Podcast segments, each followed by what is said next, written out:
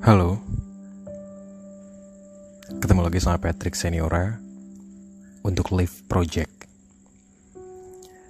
Saat ini aku akan mengangkat cerita Dari Salah satu yang mengirimkan Ceritanya lewat DM Instagram Kemudian di forward ke Whatsappku Dan kebetulan yang bersangkutan tuh berkenan ceritanya diangkat untuk Live of You episode dari Live Project.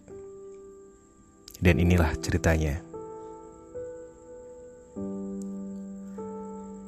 Halo Mas Pet. Salam kenal. Namaku Noni. Aku berasal dari keluarga yang sederhana. Ayahku seorang pegawai swasta dan ibu hanya seorang ibu rumah tangga biasa. Aku anak kedua dari tiga bersaudara. Dari kakak dan adikku, aku termasuk anak yang pendiam. Dan selama sekolah, aku tidak pernah mengenal yang namanya pacaran karena orang tuaku juga melarang aku untuk berpacaran. Cerita hidupku berawal dari sini. Setelah aku lulus sekolah, aku langsung bekerja sebagai staf administrasi sebuah perusahaan swasta. Oh iya, umurku baru 18 tahun. Tapi aku sudah merasakan mendapatkan uang Awalnya aku bekerja hanya paruh waktu karena mau melanjutkan kuliah. Tapi semua rencana berubah setelah aku menikmati pekerjaanku dan aku mengenal seorang laki-laki. Awalnya aku membencinya karena kelakuannya yang amat sangat amburadul. Di sisi lain, dia juga seorang pecandu narkoba dan penikmat alkohol. Aku selalu menghindar setiap kali dia menjemput aku ke tempat kerjaku. Tapi dia tidak pernah menyerah. Dan akhirnya aku pun luluh karena kasihan Aku berniat untuk menyadarkan dan melepaskan dia dari jerat narkoba. Di mana akhirnya aku dibawa ke rumahnya dan diperkenalkan dengan orang tuanya.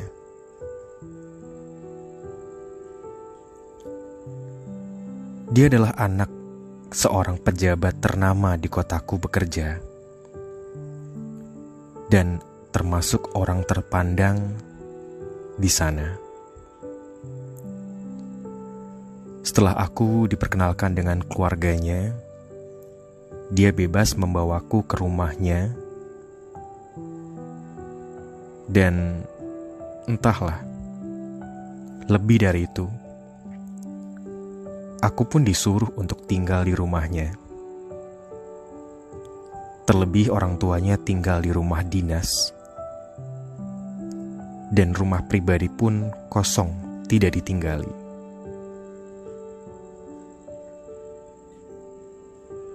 Dan praktis, hanya aku dan pacarku yang tinggal di rumah itu tanpa orang tuanya tahu. Baru beberapa hari aku tinggal di sana, aku selalu dirayu dan dirayu, terus dirayu, untuk dia bisa menikmati tubuhku. Aku menolak. Tapi apalah daya. Walaupun pintu kamar selalu aku kunci,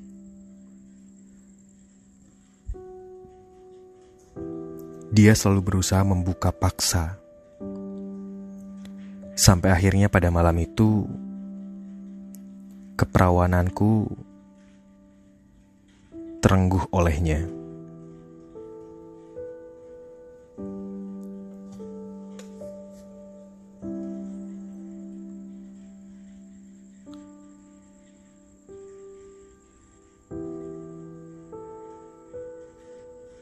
Hari berganti. Kami semakin sering melakukan hal itu karena dia berjanji mau bertanggung jawab dan segera menikahiku. Padahal orang tuaku belum tahu siapa dia dan keluarganya. Aku takut pulang karena aku sudah tidak suci. Ya, aku sudah tidak suci lagi. Hari pun berganti dengan hari. Aku merasakan badanku sakit semua, dan aku memutuskan untuk pergi ke dokter. Aku semakin shock ketika dokter mengatakan aku hamil. Di umurku yang baru menginjak 18 tahun, jalan 19 tahun, aku hamil. Dan kehamilanku ini terjadi saat belum menikah.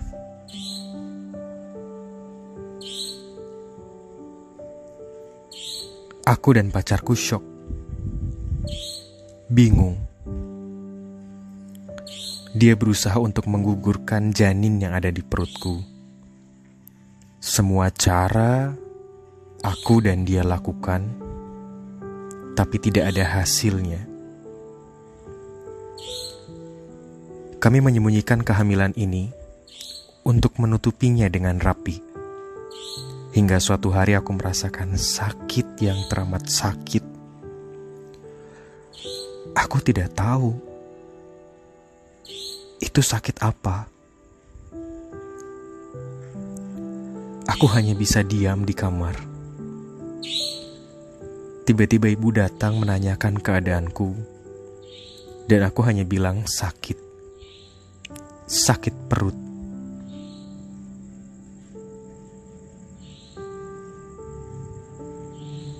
Ibu kemudian memegang perutku, dan di situ semua terbongkar.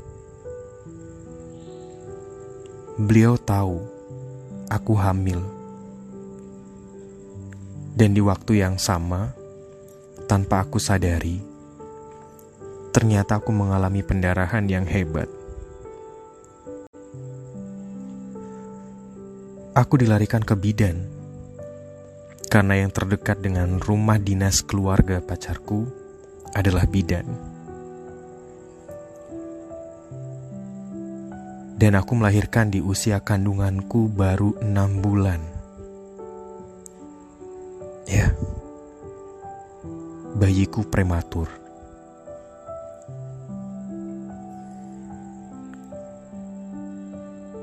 Keesokan harinya, dari keluarga pacarku menghubungi keluargaku langsung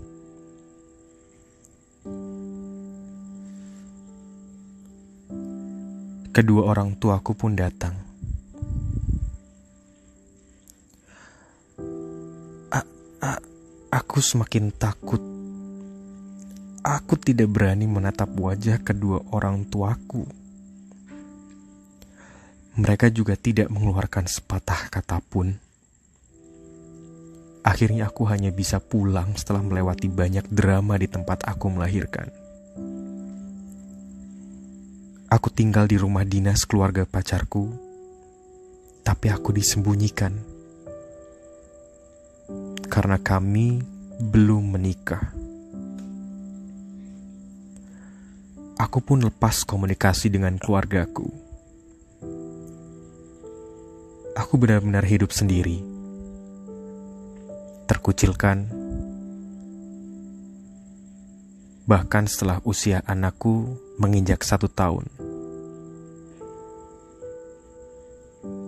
aku dan pacarku melangsungkan pernikahan.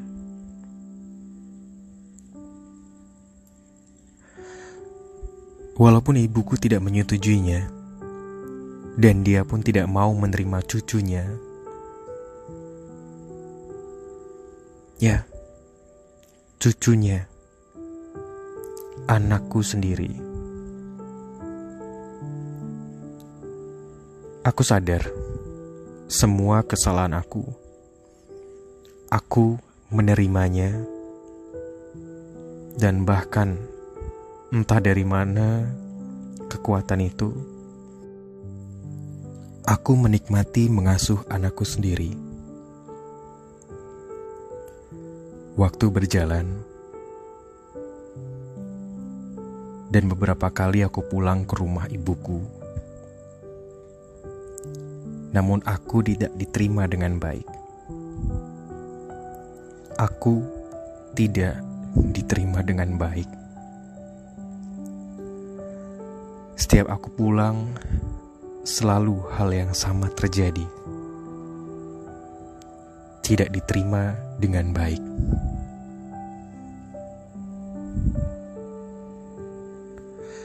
Sampai akhirnya aku sama sekali tidak pernah pulang ke rumahku sendiri. Waktu terus berjalan, dan tak terasa sudah beberapa tahun aku tidak pulang sama sekali. Aku merasa sendiri. Suamiku pun tidak pernah peduli dengan aku dan bahkan keluargaku karena dia anak mama yang selalu dimanja. Kehidupanku pun ditanggung keluarganya. Karena aku sudah tidak bekerja. Walaupun keluarga suamiku termasuk orang berada, tapi aku merasa tidak nyaman tinggal di sana. Aku malu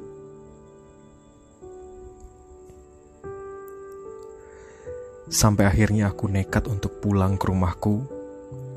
Aku menemui kedua orang tuaku. Aku menyesal, dan bahkan aku menyesal pulang karena aku tetap masih tidak diterima di keluargaku. Aku kembali lagi ke rumah suamiku, dan aku bulatkan tekad untuk minta izin bekerja lagi. Aku pun diizinkan bekerja ke ibu kota. Sedangkan anakku, aku titipkan ke ibu dari suamiku, neneknya. Kehidupan di ibu kota membawa aku ke dalam kesesatan. Terlalu berat apa yang aku alami di usiaku yang masih masih belia.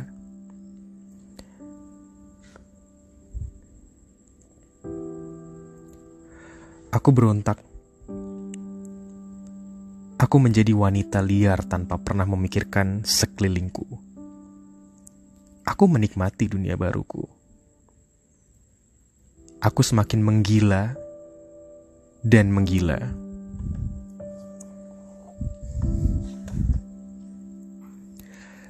Tapi tiba-tiba pagi itu aku dipanggil atasanku dan aku kena PHK karena memang perusahaan sedang pilot.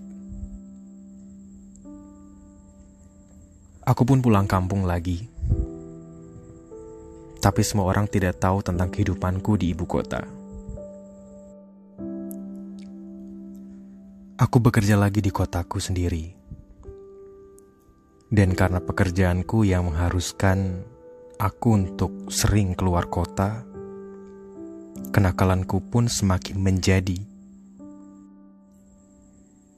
Tanpa pernah memikirkan semua resiko. Yang penting aku bisa mengganti semua biaya selama aku tidak bekerja dan membayar semua keperluan anakku. Sekarang aku tinggal di kota A dengan suamiku tanpa anakku. Tapi kehidupan rumah tanggaku tidak semanis yang dibayangkan. Suamiku sibuk, aku pun sibuk. Kita bahkan jarang berkomunikasi sampai akhirnya aku membaca ada chat masuk untuk suamiku Aku penasaran.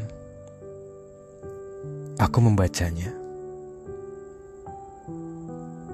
Yang ternyata pesan itu dari wanita yang dekat dengannya tanpa sepengetahuanku. Aku jelas kaget, shock. Terjadilah pertengkaran yang akhirnya kami sering ribut dan dia mau menceraikan aku.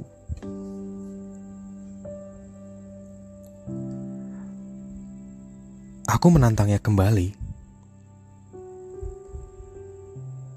dengan memintanya untuk mengembalikanku ke orang tuaku. Kalau memang kamu berani, kembalikan aku ke orang tuaku. Tapi semuanya hanya wacana. Kata perceraian sering keluar dari mulutnya. Aku benar-benar tidak kuat. Aku beranikan diri pulang tanpa anakku. Aku pun pulang.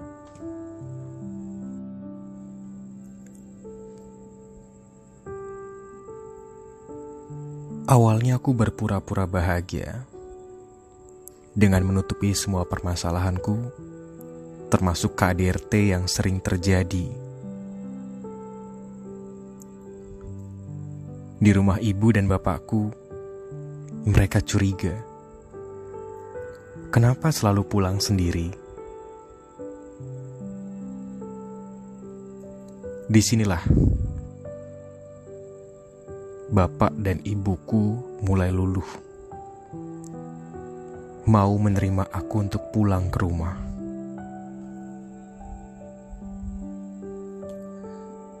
Aku menceritakan semuanya. Ibuku tidak bisa menerima kenyataan. Dia shock, dan aku pun diminta untuk cerai. Karena dari awal pernikahan, ibuku paling tidak bisa menerima kenyataan ini. Di sisi lain, bapakku adalah orang yang paling dekat dengan aku dia selalu diam-diam menengok cucunya dan masih berkomunikasi denganku.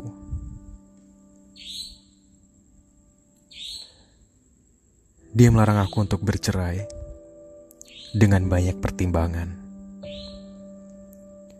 Suamiku tidak pernah tahu aku pulang ke rumah, dan hari itu aku menemukan bukti percakapan dia dengan wanitanya lagi, lagi, dan lagi kami bertengkar. Dan lagi, lagi, dan lagi kata cerai keluar dari mulutnya. Aku hanya diam. Aku ingat semua nasihat bapakku. Nduk, nek ono opo-opo ning jero omahmu aja nganti suket ning pekaranganmu krungu ya nah kalau kamu bertengkar dengan suamimu jangan sampai ada tetangga yang mendengar Semenjak itu aku selalu diam, diam, dan diam. Dia mau memperlakukan aku seperti apa, aku hanya diam. Aku tidak pernah meninggalkan rumah lagi, tapi dia meninggalkan rumah.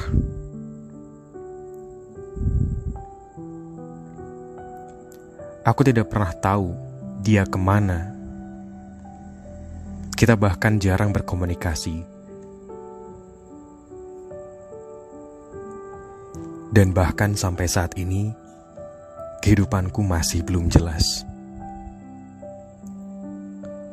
Aku tidak tahu akan dibawa ke mana hidup ini.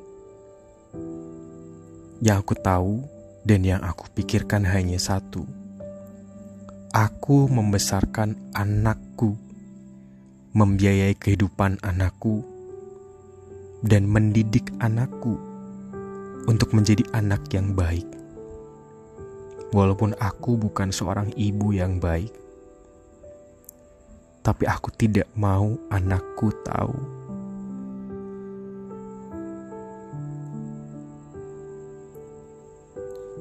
Banyak proses juga yang akhirnya membuatku berubah. Termasuk aku bertemu dengan seseorang yang selalu menasehati aku dan mengingatkanku untuk menjadi ibu yang baik. Dan dia yang mendorong aku untuk menjalin komunikasi lagi dengan keluargaku, dengan ibuku, dengan bapakku, dengan kakakku, bahkan dengan adikku. Karena selama ini bertahun-tahun aku tidak pernah berkomunikasi dengan mereka. Aku sadar, sadar diri lebih tepatnya, aku sudah mempermalukan keluargaku sendiri. Sampai saat ini, aku masih membesarkan anakku sendiri. Aku berusaha untuk tidak merepotkan orang lain.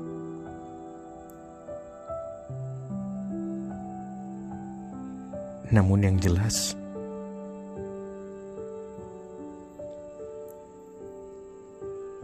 akan ada hari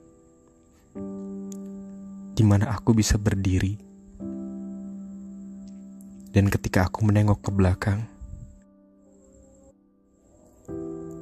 sudah tidak ada lagi rasa sakit ataupun luka. Akan datang satu hari nanti aku bisa menatap ke depan dengan bangga dan bahagia atas anakku yang saat ini sedang mengejar cita-citanya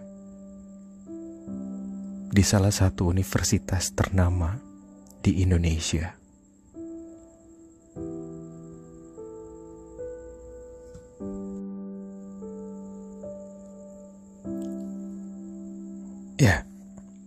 Dan itulah cerita yang sudah dimunculkan di episode ini.